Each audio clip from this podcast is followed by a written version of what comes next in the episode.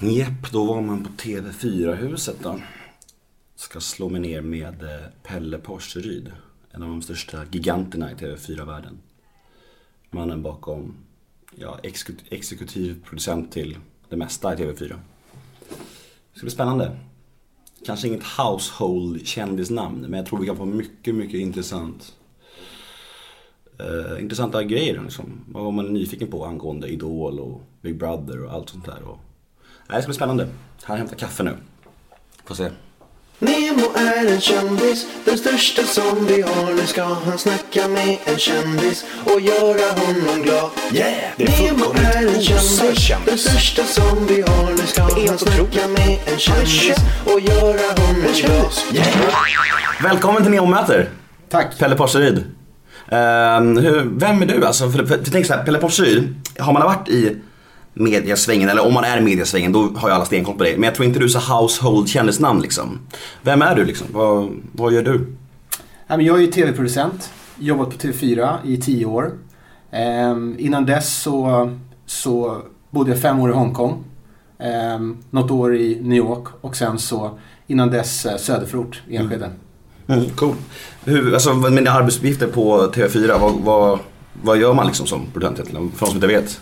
Ja, men majoriteten av min, min karriär här har jag jobbat som exekutiv producent. Mm. Numera så är jag produktionschef. Men eh, om vi pratar om den exekutiva rollen eh, som eh, relativt många ändå undrar vad det faktiskt innebär. Mm. Så kan man väl säga att man ytterst kvalitetssäkrar den beställning som TV4 gör av produktionsbolaget. Mm. Man ser helt enkelt till att man får valuta för de pengarna Mm. som man investerar i Mm. programmet. Cool. Det låter som ett Alltså det låter som ett drömjobb för alla som vill jobba med TV.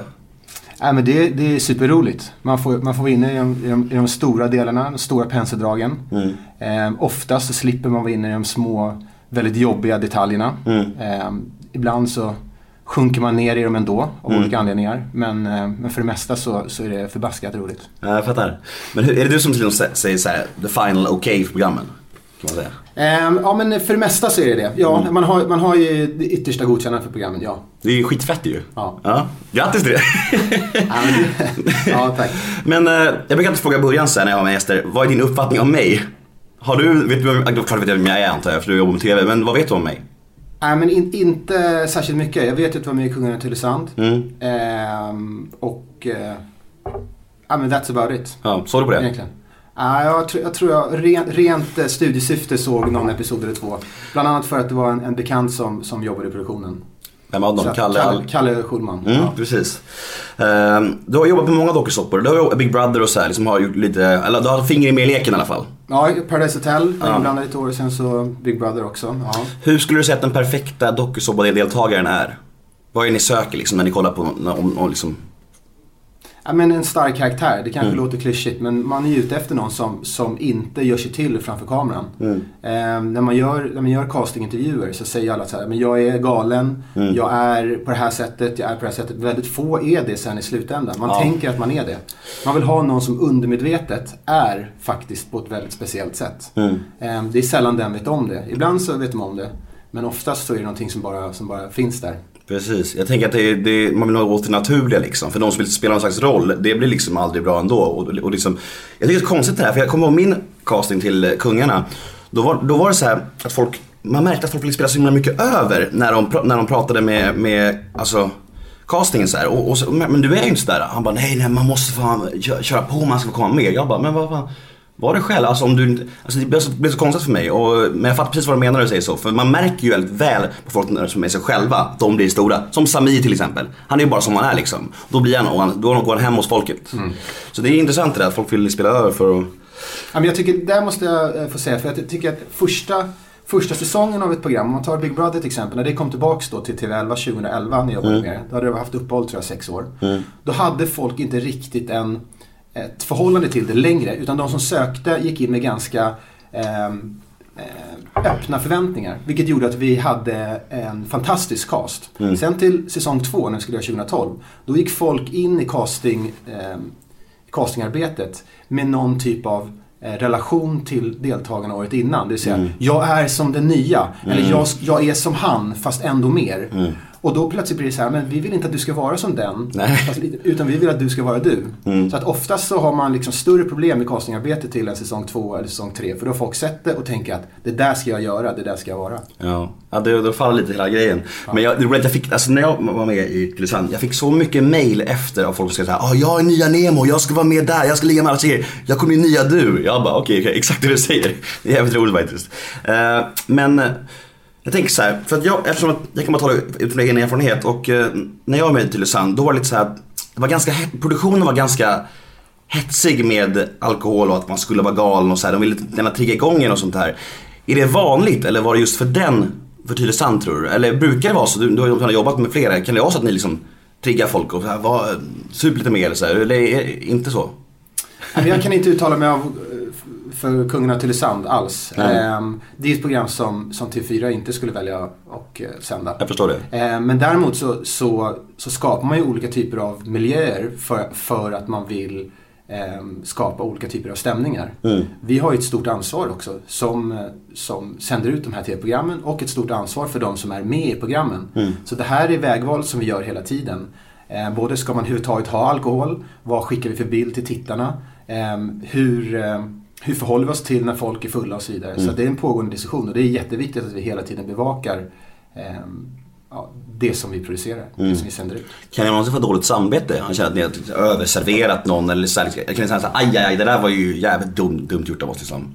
Det går ju inte alltid att kontrollera alla situationer utan live-tv som i Big Brother-sammanhang, ehm, det är ju live-tv.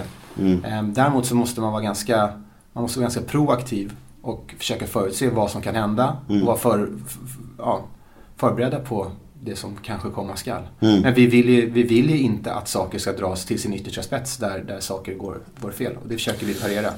Eh, jag vet inte om du vet om det här, men vill du, jag kan berätta för dig hur eh, alltså, slutcastingen gick till på för Tylösand. Det är ganska, jag vet Gärna, inte. Jag det vet, var. Vilka var, vilka var det som, eh, som gjorde castingen? Vilka Eh, det de- var Kalle, eh, Martin Akander, eh, någon från Mastiff. Nå, jo men hon, jo vad heter hon nu då? Ganska kort. Mu- Mulatt, vet du om det? Nej, men det Nej. var Mastiff i alla fall. Så. Precis, Ja. det var Mastiff. Och, så, och, så, och då var det så här, de ställde in typ så här ganska mycket alkohol på ett bord. Och så var det gäng grabbar där och så var det lite kameror runt oss. Och så satt de i ett annat rum och kollade på oss, hur vi förde oss i sociala sammanhang.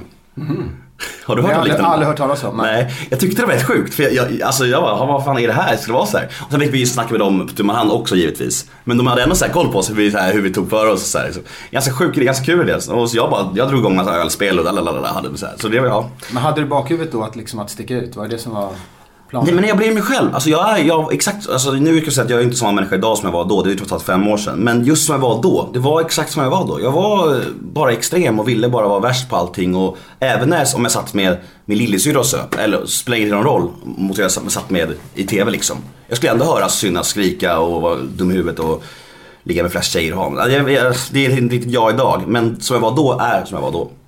Så det, ja, så är det. Men det var, du, det var du som kom fram där i den, Det var det. i den eh, stunden. Och sen kände jag också även så att när jag kom med var det så här, ja men om vi gör det här så ska vi göra det 100% liksom. Då blir det Nemo 2.0 liksom. Det, var ju, det är ju som jag är men ändå kände jag att nu gör vi det här liksom. Så, ja. Jag kommer ihåg Kalle Schulman sa till mig i, efter två dagar, mm, inspelningen. Jag, efter två dagar hade jag legat med tre tjejer tror jag. Och då sa han så här. Om du fortsätter ligga med en tjej per dag under hela inspelningen så köper jag en resa, en resa till dig. Ja, intressant. Men det var hans första program å andra sidan. Man kan inte klandra honom så mycket heller. Alltså jag, jag brukar tänka ibland på att det var lite mycket hetsning från dem. Men så tänker jag att det var Kalles första program. Och jag vet, eftersom Kalle och jag är goda vänner idag, så vet jag att han är en god människa. Och han vill inget illa. Han var bara jävligt taggad och det var hans första program. Han visste inte så mycket liksom. Han visste inte bättre. Så jag har inget agg mot honom alls. Men det blev, det blev lite konstigt där. Jag har träffat inslagsproducenter från programmet efter. Och de säger så här, alltså det var kaos. Vi, vi skämdes så mycket att vi hetsade er och det var nära på att stängas ner och så här, vet. Så det var liksom, det var kaos alltså. Men eh, ja, det är gamla tider. Eh, Men vad kan deltagare göra åt det tomrum som automatiskt uppstår efter? Har du något tips och råd till dem? För det är ju väldigt vanligt känner jag att folk så här när när strålkastarna slocknar och 15 minuter i slutet att folk blir så här, ja vad fan gör folk? De gnäller ut i media, de börjar missbruka, vad fan de nu gör. Vad, vad tror du man kan för förebygga något sånt händer? Ja, men jag, jag tror att det, det är viktigt, som, som vi jobbar i alla fall här på TV4, är att vi försöker förbereda folk redan innan de går in i programmen också. Så här, vad det här innebär, vad programmet innebär, att man blir kändis på väldigt kort tid, att man får stor genomslagskraft, att allt man gör eh, kommer att bedömas av andra och så vidare. Så att vi börjar jobba redan Do you love anime, gaming, movies, and discovering how your favorite pop culture affects everything you do? Then join us on Crunchyroll Presents The Anime Effect. I'm Nick Friedman. I'm Lee Alec Murray. And I'm Leah President. Every week, you can listen in while we break down the latest pop culture news and dish on what new releases we can't get enough of. Whether you love movies, I'm going to tell you all about the uh, hopeful 4K re release of Tron Legacy that happens. I'm right there with you. Or music. The music in this show Yeah. is absolutely incredible. Or anime. And under this mask is another mask. you can discover your new favorites right here on The Anime Effect. Listen every Friday wherever you get your podcast and watch full video episodes on Crunchyroll or on the Crunchyroll YouTube channel. Ryan Reynolds here from Mint Mobile. With the price of just about everything going up during inflation, we thought we'd bring our prices down. So to help us, we brought in a reverse auctioneer, which is apparently a thing. Mint Mobile unlimited premium wireless. Ready to get 30, 30, bit to get 30, bit to get 20, 20, 20, bit to get 20, 20, bit to get 15, 15, 15, 15 just 15 bucks a month. So, Give it a try at mintmobile.com slash switch. $45 upfront for three months plus taxes and fees. Promo rate for new customers for limited time. Unlimited more than 40 gigabytes per month. Slows. Full terms at mintmobile.com. innan med just den biten. Tänk på det här, det här kommer följa med dig sen efter. Är, är du beredd på det? Ehm, vi, vi försöker helt enkelt vara väl, väldigt tydliga med vad som, vad som kommer sen. Vi har ju i de flesta program som innebär en lite eh, större påfrestning, har vi psykologer inblandade också. Som, som pratar med, med alla potentiella deltagare och deltagare om, om just detta. Är det så sen att vi avslutar produktionen och folk eh, upplever att, att, man, eh, att man inte riktigt kan hantera det så finns ju vi oftast här som stöd. Ehm, eller, vi- eller vi erbjuder stödet rättare sagt ifall någon vill ha det. Ja, för, för det har varit för flera som har gnällt så här, de fanns inte för mig efter. Jag själv har ju liksom aldrig upplevt det men, men jag har hört flera som har gnällt på de fanns inte för mig efter och idoldeltagare som har åkt ut och så här och gnäller. Men det lå- låter mest som bitterhet i mina öron tycker jag att de har åkt ut. Jag vet inte. Men eh, du, du, har- du har säkert rätt. Ehm, tror du att alla deltagare som, som dock såg på så här, tror du att det finns någon slags trasighet och destruktivitet i dem? Att, de, alltså, att, det är ett sånt slags folk som söker överlag? Eller liksom tror du att bara att det är vem som helst?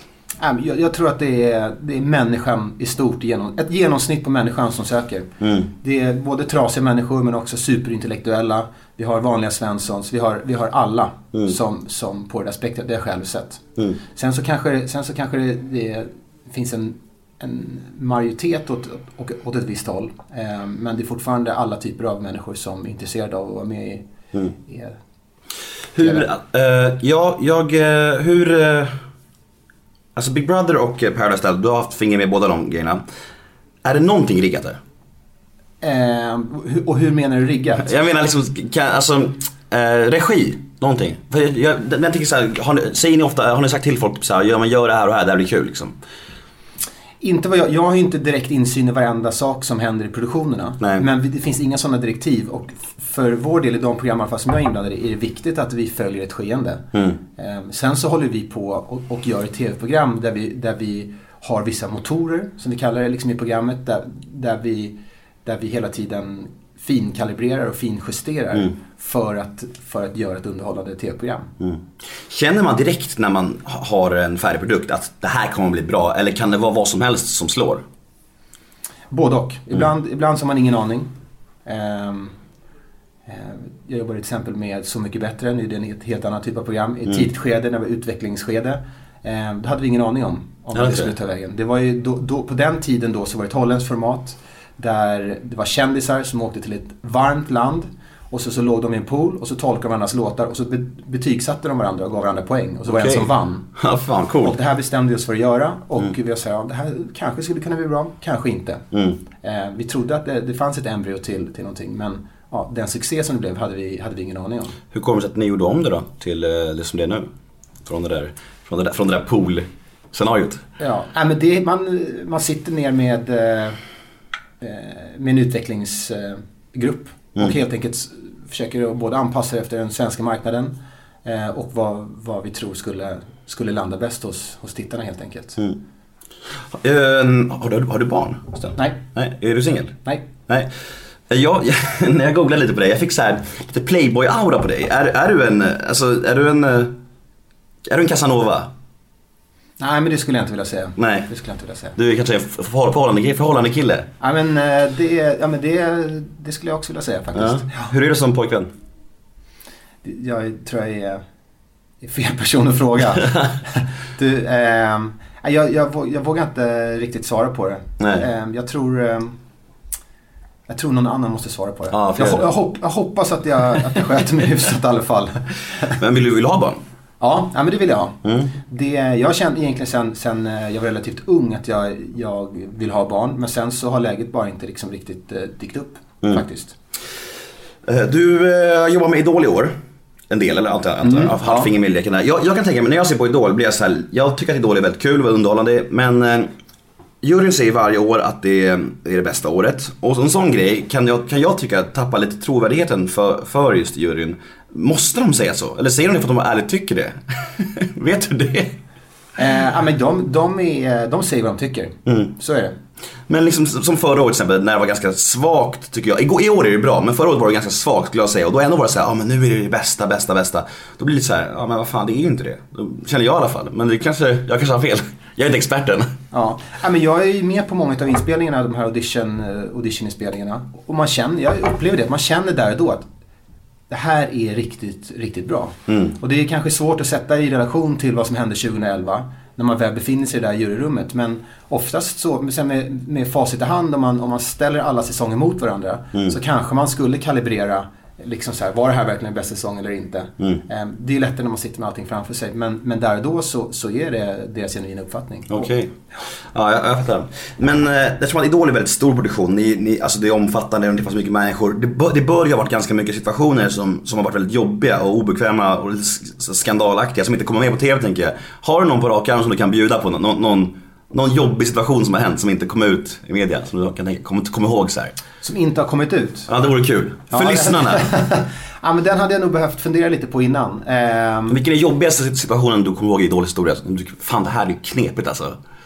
nej, men det dyker det dyker upp eh, gränsfall hela tiden. Ehm, Och vad, vad brukar det vara oftast? Liksom? Ja, men det, kan, men det kan vara hur, man vet inte, alltså det kommer in relativt unga människor, 16-åriga eh, killar och tjejer in i, in i juryrummet som, som eh, får ett ärligt utlåtande från juryn. Och det kan ibland vara tufft att höra för en 16-åring som kanske inte är förberedd på det. Eh, och då kan, och då, kan, då kan situationer uppstå som är, som är, som är jobbiga helt enkelt. Väldigt Det är, små. riktiga, ja, men det, det är unga människor, det är, det, det är riktiga känslor och det, det är i vissa fall, liksom, det är hela deras liv uppbyggda kring den här, den här drömmen. Och så får den krossad, det är förstås att det är helt eh, förödande. Mm. Och då, det blir på riktigt. Och det är, det är den typen av situationer som dyker upp. Hur man ska, hur man ska förhålla sig till det. ehm, och så vidare. Ska vi sända det om någon verkligen har ett önskemål? Jag vill inte att det här ska sändas ut och så vidare. Så det är mer den typen av komplicerade publici- publicistiska frågor som, som dyker upp. Sen har det ju kommit ut, menar, vi kan ta det här eh, Durna-fallet med, med Laila Bagge till exempel för, för några år sedan. Det dyker ju upp saker som är, som är eh, besvärliga hela tiden och som är olyckliga. Som man, som man får hantera vartefter. Mm. Men, men eh, det här med, innan, innan eh, om nu, jag vet inte om folk, folk vet det, men jag tror det måste folk veta. Alltså innan folk får träffa riktiga juryn får man träffa en slags halvprovjury. Och de som går vidare därifrån, alltså är det, för det känns som att det är de bra och de roliga på något sätt. Alltså är, är det så? Eller eh, får du säga det? Alltså, Ja, nej men alltså, vi, är ganska, vi är transparenta med hur, hur castingprocessen ser ut. Vi tar vidare alla som är intressanta för Idol. Mm. Jag De får. Mm. träffa juryn. Så är det. Och, då, och det kan vara, det kan vara ja, men hela spannet egentligen. Mm. Både intressanta karaktärer, det kan också vara de som det finns väldigt många av. Om om vi har tio stycken som sjunger exakt samma låt em, så, så kan man eh, gå vidare på det också. Du, du, klippa ihop det. Ja. det. Men så, så att Idol bygger ju på starka, starka karaktärer och starka Mm. röster. Så att det är de som får träffa juryn. Och, och de usla kommer också med. Ja, men de är de är, alltså så här, de, de är karaktärer. Ja, och de, ehm, de är en stor del av programmet också. Ehm, är du miljonär? Nej det, nej, det är jag inte. Ska man ha massa pengar på banken och sånt där. Nej. Har, Men det skulle kunna vara om du sålde allt du ägde. Nej, jag vet inte sjuttsingen alltså. För jag tror att du var med kommersiell- Bostadsbubblan är på gång här nu. Så då, Ja precis. Nej, ingen aning. Nej jag har fått för mig det var jag på kommersiell TV om man är chef att man ska vara snuskigt rik. Men jag kanske har lite fel. Ja men där har du fel. Man, man önskar att det skulle vara så. Man har hört, man har hört hur det pratas om lönerna i, i USA och så vidare. Och då tänker man okej men om de är 30 gånger mer där. Om man har en trettiondel av det. så- Ja men det kanske stämmer. Och då så börjar man förstå att det inte är så mycket pengar. Men eh, jag förstår, nu är säkert skittrött på den här frågan och du får säga till i sådana fall. Men hur, alltså, hur mycket underlättade det att din farsa jobbade med TV för att du skulle få komma in i den här världen?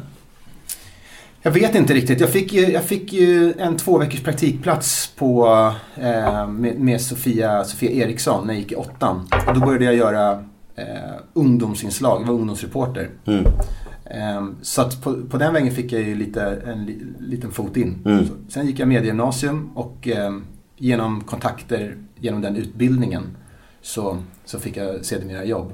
Men eh, jag ska, ska nog inte hymla med att det är klart att det på något sätt hjälper en. Absolut.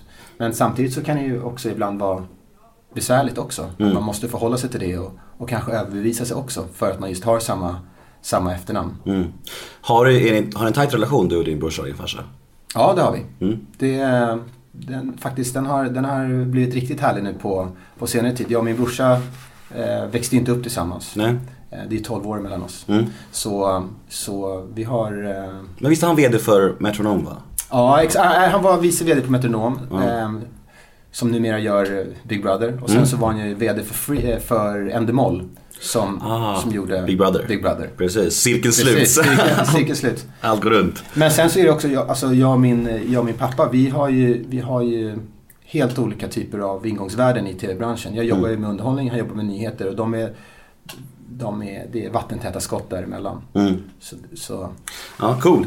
Um, vilken är den knepigaste kändisen du har jobbat med? oj, Här vill jag ha ett namn. Här vill du ha ett namn? Ja. Ja, men i, i, alltså, I stort så måste jag säga att, att jag, jag tror vi är lyckligt lottade i Sverige som, som, eh, som inte har särskilt många riktigt besvärliga eh, uppblåsta programledare och eh, profiler eller kändisar. Ganska många har fötterna på jorden. Det, det, eh, det måste jag ändå säga. Det är det som är bra med lilla land- landet, landet lagom. Ja men lite grann sådär. Så jag tycker all, liksom så här, i, i tv-programmen så är, så är ska säga att 95% av alla programledare är jäkligt engagerade i sina program och brinner för dem. Jag hörde om Ryan Seacrest i USA när jag var över där nu i, i våras. Han har ju då 15 personer som jobbar bara med honom. Han är programledare för Idol. Mm. Fan vad eh, sjukt alltså. Ja, och, och han har ju då en egen redaktör. Så när producenten då ska eh, prata med programledaren under sändning så måste producenten prata med Ryan Seacrests egen redaktör som filtrerar informationen till Ryan Seacrest om han då vill eh, använda sig av den här informationen. Eller... Samtidigt så är han också bara beredd att titta i två olika kameror eh, och där han vill ha prompter. Allting, alltså det vill säga liksom upprullat så han kan läsa i, i kameran. Det är helt sjukt. Så finns det inte i Sverige. Alltså så här, här, här, här är alla med bara på att skapa det absolut bästa innehållet. Så tyvärr så kan jag inte, jag har, jag har ingen på rak hand sådär som är, eh, som är riktigt... Eh, Det behöver inte vara någon diva, det kan vara någon som är komplicerad att jobba med. Någon som är strulig och alltid kommer sent eller någon som är så här känd i branschen för att vara jobbig att hänga med, alltså spela in med. Finns det någon? Men inte så, inte notoriskt sådär. Ja, jag en. kan komma på. Vem är det? Torsten Flink. Ja men i och för sig, ja, men Torsten Flink. Det här är en rolig historia om Torsten Flink. Mm, kör. Och eh, det var, jag jobbade med Sommarkrysset, det kanske är sju år sedan. Och då så ska han vara med på scen och eh, göra ett litet framträdande. Mm. Och han kommer dit utan skor i alla fall. och eh, sen så repar vi då på eftermiddagen. Och sen så eh, när det är dags för sändning så vägrar Torsten gå upp om inte han får ett par nya skor av en viss modell. Han vägrar han gå upp. Så då får han i produktionen åka iväg, köpa de här skorna till honom och då går han upp och, och eh, gör det här briljanta framträdandet. Ja. Så att det, det betalade sig i slutändan. Men det var en intressant liten... Det är ju väldigt kul, för jag kommer ihåg när jag var med, när jag var gäst i Schulman show. Då var det, då var det jag och Torsten som var gäster samtidigt. För de ville, de ville göra en sån här galen krock, att en dock ska vara människa och sen Torsten Flink. Och då kom jag mitt i programmet så fick jag avbryta. Torsten ville ha bärs. Så då fick en, en av de anställda springa och köpa tre elefantöl. Som han fick hälla i sig snabbt och körde vidare. Men, det, men han, alltså, Torsten Flink skulle ju vara en väldigt intressant eh, reality-karaktär också. Ah shit. Så- Life of Torsten Flink. Men jag är också imponerad över att han är så produktiv och, och, liksom, och får, får till så jäkla mycket eh, genialiska grejer. Det, är en, det är en intressant, eh, Mm. Intressant balans. Jag lyssnade, jag, lyssnade på han när han var med i Värvet. Jag tror jag tror Kristoffer Triumf ställde en fråga och sen höll Torsten Flink en monolog på en och en halv timme sen var det slut. Var ingen mer fråga. Så jävla kul. Skönt att vara intervjuare på ett sätt. Ja, Tråkigt också kanske. Jag tror Kristoffer sa det. Han bara, jag skulle kunna ha gått ut och gjort massa andra ärenden i hemmet och kommit tillbaka efter en och en halv timme så hade han suttit kvar och pratat. så jävla bra alltså. Ehm, jag har ett segment här som heter ett ord om. Du får, Okej. jag säger fem offentliga människor, ska du säga ett ord? Top of your mind. Ja. Mm. Första är ju en polare till dig så det är inte så kul. Men det är, det är alltid samma, vilken gäst jag än har så är samma fem människor. Så det är eh, Alex Schulman. Ehm, ett ord. Mm. Eh, bastu. Marcus Biro. Ehm, provocerande. Sara Larsson. Geni. Leif GW Persson. Karaktär. Jimmy Åkesson. Ja, Okej, ja vi där fimpar vi. ett ord? Ett ord? Det, var ett bra ord. Ehm, veckans brev. Hej Pelle, hur är din relation med Brolle Junior idag? Har du fått ett, har du fått ett sånt här brev på riktigt? Det är helt sant, helt sant, Ja. helt sant, helt sant. Vad roligt. Ja, men min relation, eh, jag, jag tror att den är bra. Jag har inte träffat Brolle på, på väldigt länge. Mm. Men eh, vi träffades på Humlegårdsgatan för ett par år sedan. Mm. Mm. Morse på varandra och snackade och sådär. Så att, eh, jag tror inte att det är något hard feelings. Inte från min sida i alla fall. Jag Nej. hoppas inte att det är från hans sida heller. Ja. Men vi ringer inte varandra så att säga. Nej, han var lite irriterad efter. Vi behöver inte dra den historien. Om ni är nyfikna får ni väl googla det. Men det var lite jag, kan, jag kan säga snabb... eh, Kör det. eh, Jag fick höra från Aftonbladet, nu har inte jag fått den här informationen uppdaterad på, på ett tag. Mm. Men eh, det var under en längre period den mest, eh, mest röstade omröstningen på Aftonbladet. Eh, Vad var alternativen då? Alternativen var, ska Pelle Porseryd få sparken eller inte? Och då var det 120 000 pers. Och Mm. Det var jävlar. över, över 90% som tyckte att jag skulle få, få sparken. Oj. Så det var, det var en, det var en eh, intressant period. Är det din största kris i livet? Skulle säga?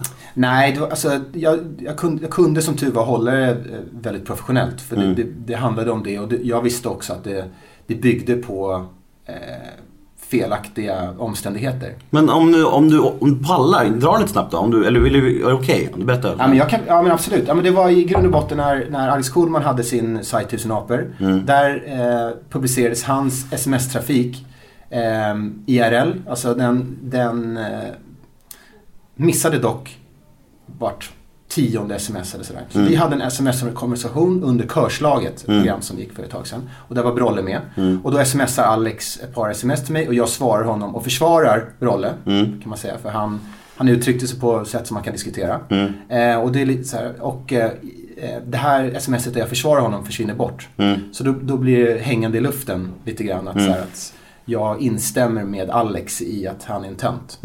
Mm. Vilket jag absolut inte tycker. Och inte tyckte för den delen heller. Nej. Sen så publiceras det här. ehm, och sen så blir det ramaskri, vilket jag förstår för alla läsare och tittare vet ju inte om bakgrunden. Och sen så blir det här drevet då, eh, det bygger på reaktionerna, inte på det som faktiskt har hänt. Faktiskt har hänt.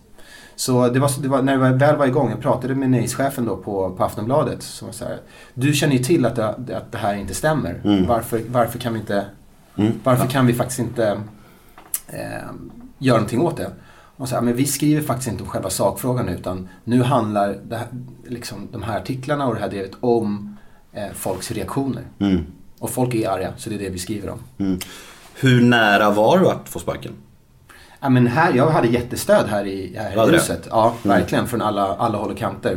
Så det, det jag hade mest dåligt samvete var för att det tog så jäkla mycket tid från, från mina chefer och mina kollegor. Och det flyttade fokus från både Visserligen så hade vi den bästa tittarsiffran för körslaget i år någonsin. Så det, det kanske var bra på ett sätt. Men flyttade flo- fokus från annat som, som just då eh, kanske var viktigare. Mm.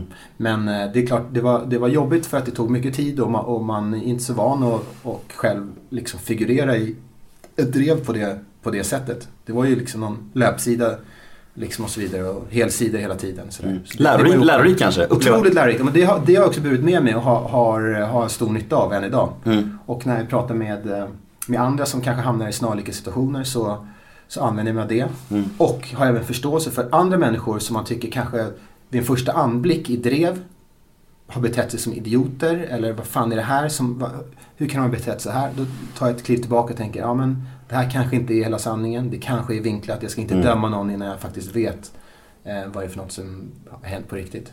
Ja, intressant att höra faktiskt. Jag, jag var, var lite tveksam på den frågan. Jag, visste, jag kände att du kanske är skittrött på att prata om det. Men jag Nej, men det, det är lugnt. Det, det var faktiskt ganska, det var ganska länge sedan också. Men den, folk kommer ihåg den. Det är, det är intressant. Mm. Ehm, Det blev väl lite extra Kvar. känsligt när det var liksom samma kanal och sådär. Det blev väl extra stor grej då liksom att folk... Men, ja. men eh, så länge Brolle inte är arg så är det okej. ja, men jag hoppas att han inte är arg. Han får höra av sig om han är det så får vi, får vi snacka igen. Men jag tror inte det. Ehm, personliga misslyckanden, saker du ångrar i livet? Har du något på rak arm känner att det där skulle jag inte ha gjort? Eh, ja, men det finns ju, det finns ju ganska, alltså, många små beslut eh, som, som man har tagit som har varit lite, som har varit dumma. Mm. Ehm, men jag kan säga att det bästa beslutet jag tagit är när jag bröt upp ifrån, ifrån min, eh, ifrån min högstadieklass kan man säga egentligen. Det, den gruppen, när alla eh, valde samma gymnasium och jag väl, valde en egen väg och började på ett mediegymnasium. Det var ju på ett sätt lite jobbigt där och då för man, för man blottade sig och utsatte sig för helt nya människor, en helt ny miljö när man är i den åldern, man är ganska känslig. Men det var också grunden till eh, det mesta bra i mitt liv. Både allt från vänner till karriär och så vidare. Utvecklande som fan. Ja. Det brukar ju vara så, med, alltså, jag reste ensam för några år sedan och det var också så- först bara fan jag borde verkligen göra det, det är ju fett läskigt. Sen när jag väl gjorde det, stack till Thailand och några öar och så här, då var det ju fantastiskt. Då, man träffar ju folk och man lär känna, man växer som människa som fan. Innan är det ju skitjobbigt, man bara fan, det är trygg, trygghetszonen liksom. Men det är viktigt att eh, slänga sig ut där ibland liksom. Ja. Eh, hur ser den ut närmsta? Närmsta, närmsta tiden? Har du några drömmar och, eh, alltså, som du inte har? Jag tycker du har ju, som sagt jag tycker att du lever i drömmen på ett sätt. Alltså har du någon dröm som du vill uppfylla med TV4 eller har du fått göra allt? Tycker du här? Jag tycker vi befinner oss i en jävligt spännande tid just nu. Eh, när, vi vet att den här så kallade digitala transformationen eh, är, är på gång på alla sätt. Vi ser att linjär TV eh, dippar och att den digitala konsumtionen ökar. Och få vara med om den resan är jävligt utmanande. Och det, där jag känner, det är där jag känner att jag, jag verkligen eh, ja, men jag, jag tänder till på, på riktigt. Jag känner att det här är viktigt. Om vi inte gör det här på rätt sätt så kan det, så kan det bli fel på riktigt. Så det, det, det känns stimulerande. Sen, så tycker jag, sen så tycker jag att det är, man, ibland så drömmer man så här, vad roligt det vore att jobba med program i USA. Vad roligt det vore att jobba med långfilm. Med Ryan Seacrest? Mariah, just det, utifrån det perspektivet sådär. Ja. Nej men, eh, ja, men sådana såna saker dyker ju upp eh, titt som tätt. Men, men eh, samtidigt så inser man ju vilken jäkla behaglig tillvaro man har i, i Stockholm med, med familj och vänner och jobb. Och så. Det ska jäkla mycket till om man ska bryta upp från det. Men det, det vore ju också det vore otroligt roligt att få vara med och, och skapa någon ny super, supersuccé. Som inte vet vad det är än så länge. Det är alltid roligt att vara med på, på tåget från början. Mm, jag fattar. Men hur stor, alltså hur, jag vet det är kanske är svårt att dela upp det så här, men, men att, att, eh, hur många ser på TV och dator då? Jag, jag tänker att på sådana program som Paradise Hotel så är det ju fler som ser på, på datorn va? Ja, jag. verkligen. Ja, Men, men hur är det till exempel på, ja, jag ser Så mycket bättre, då måste vara många på TV. Absolut. Ja, men, men överlag, är det fler som ser på TV än på dator? Ja, ja det är det. Ja. Men linjär TV är fortfarande superstarkt. Ja. Det ska vi inte glömma bort på något sätt. Men vi ser ju att kurvan pekar inte uppåt. Nej. Så mycket kan man ju säga. Ehm, och vi ser ju också att de yngre målgrupperna ehm, framförallt går till digitala ehm, fönster. För, att, för att konsumera sin, sin rörliga bild. Mm. Så att säga. Så att det är där, det är där utmaningen. Vi, vi, eh, vi är väldigt starka i, i de äldre målgrupperna. Mm. Ehm, Cool. Hur är du med kritik? För jag, jag brukar alltid ha, det i min- för jag är själv så, här, så nyfiken på kritik och mm, ja, alltså negativa saker. Hur, hur är du när folk, när, om, om, du, får- om du får kritik av en, någon chef som är över dig, bara det här gjorde du jävligt fel, det här måste du göra om. Blir du ledsen då? Eller, eller tar du bara till dig, ja okej, nu gör jag bättre. Ja men eh, bra fråga för att jag, jag, tror, jag tror, jag jobbar med det här. Jag, jag, jag har lite svårt med auktoriteter. Ehm, och jag eh, är kanske, tror att jag vet bäst lite kanske för ofta. Så jag försöker lära mig att lyssna mer och, och eh, då handlar det även om att lyssna på när ens chefer faktiskt är, är tydliga med en. Eh, Men hur jag reagerar på, på vad på vad ens chefer säger, då ty, jag tycker också beror på hur, hur kritiken eller feedbacken faktiskt framförs. Eh, Men eh, det, det är någonting som jag, som jag själv känner att jag behöver jobba med. Mm. Hur är du själv som chef då? Är du, är du benhård? Nej, alltså jag kan vara det. Jag, ställer, ställer, ställer ganska höga krav. Mm. Ehm, det gör jag. Eh, Så, men jag, jag försöker, jag, jag kör inte någon management by fear. Det gör jag inte. Ehm, Det är inte så charmigt. försöker, försöker lyssna in vad, vad, alla, vad alla har att säga faktiskt. Det är bra. Eh, vad ger dig ångest? När hade du ångest som fan sist? Ehm, när har jag... kanske ångestfri människa? Nej men det är jag inte. Men jag tror att alltså, så här, förut, alltså, så här, förutom att man kan få en släng av det när man någon gång ibland är, är bakfull. Den tycker jag inte riktigt räknas. För den, Mm. Nej, den, är liksom, den, den, är, den är fake på något sätt. Och den blir allt mer sällan också för den delen. Men, men eh, jag, tror, jag tror att det kan, eh, ibland så kan jag, jag kan få ångest när, när jag tänker på att jag inte vårdar vissa relationer eh, som jag borde. Mm. Alltså det vill säga att jag på, på lång sikt har men jag kan, eh, på lång sikt inte har varit delaktig i viktiga, viktiga episoder i människors liv. Jag kanske, kanske inte ja, men har riktigt varit så närvarande som jag borde. Det går liksom inte att komma... Jag kan känna så herregud, vad, vad, vad har jag gjort här nu då? Har, det- har det gått tio år och jag inte har ja, gjort det jag borde som medmänniska eller som, som brorsa eller som, som pojkvän eller vad man ska säga. Sådär. Bra svar alltså. Jag, jag, jag, va- vanligaste svar på det brukar vara lite såhär, åh nej, nej, bakis eller när mina barn mår dåligt. Eller något, superkliché svar. Men bra svar, imponerad, Ja. tack. eh, när grät du sist? Eh, ja, men det, jag grät faktiskt igår. Jaså? Ja, men jag, ja, men jag, är, jag, jag gråter, de, de lyckas, de klassiska amerikanska eh, alltså Independence Day eller, Mm. eller Armageddon-filmer. Den typen, där, de lyckas slå på de där små, små, små grejerna hos mig. Så jag såg The Martian igår och fick, eh, fick tårar. Längs, Mm. Det är bra, längs, vad bra. Ja, bra, vad härligt. Mm. Men sen när, det var, när jag grät i eh, något annat, det, det, är, det är nog länge sedan. Jag gråter inte särskilt ofta faktiskt. Nej. Men du känns som att du har ganska bra självförtroende och självkänsla. Har det alltid varit så? Eller, alltså, du känns ganska trygg i dig själv på något sätt? Eller, Ja, men jag hoppas att det är det. Jag, jag, hade nog inte så, där under högstadietiden så hade jag nog inte det. Jag hade bott utomlands med familj. Vi flyttade hem från Hongkong och sen så kom jag in i, i eh, liksom, mitten på femman med, med kompisar som hade ett språk och, och en jargong som jag inte alls funkade i. Sådär. Så jag skulle inte säga att jag var mobbad, men på gränsen till. Alltså så här, att det var, att det var jag var fortfarande duktig på sport och lite sånt där som gjorde att det, så här, man, man tog sig runt då på det. Mm. Men då, då kände jag nog att jag, ja, men på, med facit i hand kan jag känna att det där var ingen, det, det var ingen tid i livet då jag, då jag kände mig särskilt självsäker. nej. Men, du, men du har inga komplex? Att du såhär, åh nej jag vet inte, jag skulle önska jag var längre eller vad, Nu vet inte jag hur lång du är men jag har bara tagit ta något. Nej, nej, jag har faktiskt inga, nej, har inga. Man borde väl ha, ha någon typ av... Det är gratt, grattis, fan du är nöjd med dig själv, det är skitbra. Ja, eller hur? Ja, men precis. Får man men, inte vara Men jag försöker också, försöker också att inte, om man tänk, desto mer man tänker på det, desto mer hittar man saker. Ja, så är Eh, det. Absolut. Och det är lite som så här att, att eh, när jag renoverade hemma så renoverade jag badrummet och sen Mm. så hittade jag ingen spegel som jag tyckte var tillräckligt fin. Så då gick det ett halvår med utan att, att jag hade någon spegel. Mm. och sen så, och vid något tillfälle där så bara så här, men, eh, så, så var det någon som frågade så här, "Var- varför ingen spegel? Och då så vill jag inte säga att jag bara var lat och inte hade hittat någon, någon spegel utan drände till med så här, men, eh, ju mer man speglar sig ju mer fel hittar man. Mm.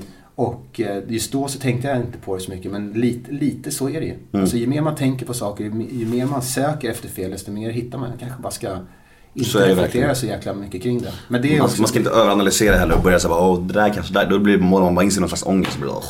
Låt det vara, det är bättre att vara nöjd med det man har. Men eh, okej, TV4 framöver, vad bör man inte missa på er tablå? Ja, men... Bra fråga. Ja, men jag tycker som sagt det ska bli jäkligt spännande att se Boy Machine. Alltså Så mycket bättre med Clearup. Jag älskar Clearup, tycker han är helt fantastisk. Har du hört någonting? Bjöd han på några skandaler? Ja, men inga, nej, men inga skandaler. Jag tycker det var, det var en, jämn, eh, en jämn nivå på, på spännande saker som inträffade. Men jag vet att Clearup ska göra lite remixes bland annat på, som inte bara är med i programmet utan Ah, cool. vid sidan om också. Göra lite som ska bli riktigt kul att höra. Mm. Miriam, har hört några av hennes grejer. Fantastiskt. Alltså, Mm. vilken röst. Härligt. Hon, och att hon bondar med Sven-Bertil Taube där är, är, är rätt fett alltså. 60 års skillnad eller vad är det? Ja, exakt. Ja, det, så det, det, det, det är de grejerna. Sen så måste jag måste bara lyfta fram mitt absoluta favoritprogram just nu är ju Heja Sverige. Nu kommer det ha slutat gå här. Ja. Men, eh, Det är fantastiskt. Har man inte sett det? Jag har sett alla avsnitt. Ja. Är ja, men jag älskar också eh, liksom en, eh, eh, en del av Köping, en annan del av Köping. Mm. sam, alltså den värmen, den genuina... Det den finns ju genuina inte glädjen. i riktiga livet, det är som grejen. Nej, så jä, helt underbart. Underskattat, lite oförtjänt att det inte fick mer, mer tittare. Vad låg det på? Vad låg det på? Ja men runt 400, strax under 400 000.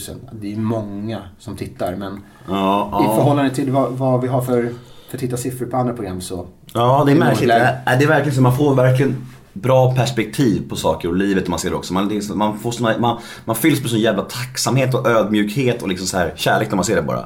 Det man blir harmonisk av det programmet, det är fint. Eh, om man vill eh, kontakta dig eller följa dig på någon sociala medier, finns det någonstans? Ja men eh, det gör jag. Alltså, jag tror att Facebook egentligen är det bästa sättet om man vill om man komma i kontakt med mig. Mm. Ingen Instagram eller Twitter? Ja, men jag, jo, jag har ju både, jag har ju både och. Mm. Eh, men jag tweetar inte. Eh, Du följer jag, bara? Jag periskopar ibland och jag följer. Mm. Eh, jag har ju jag är 300 följare som säkert är svinbesvikna på att det aldrig... Jag bland annat. Ja, är det så? Vänta på den första. Jag har tweetat en gång. Jag fick höra att man inte fick ha Twitter utan att ha tweetat en gång. Du får tweeta idag, Nemo var här. Ja, exakt. Exakt.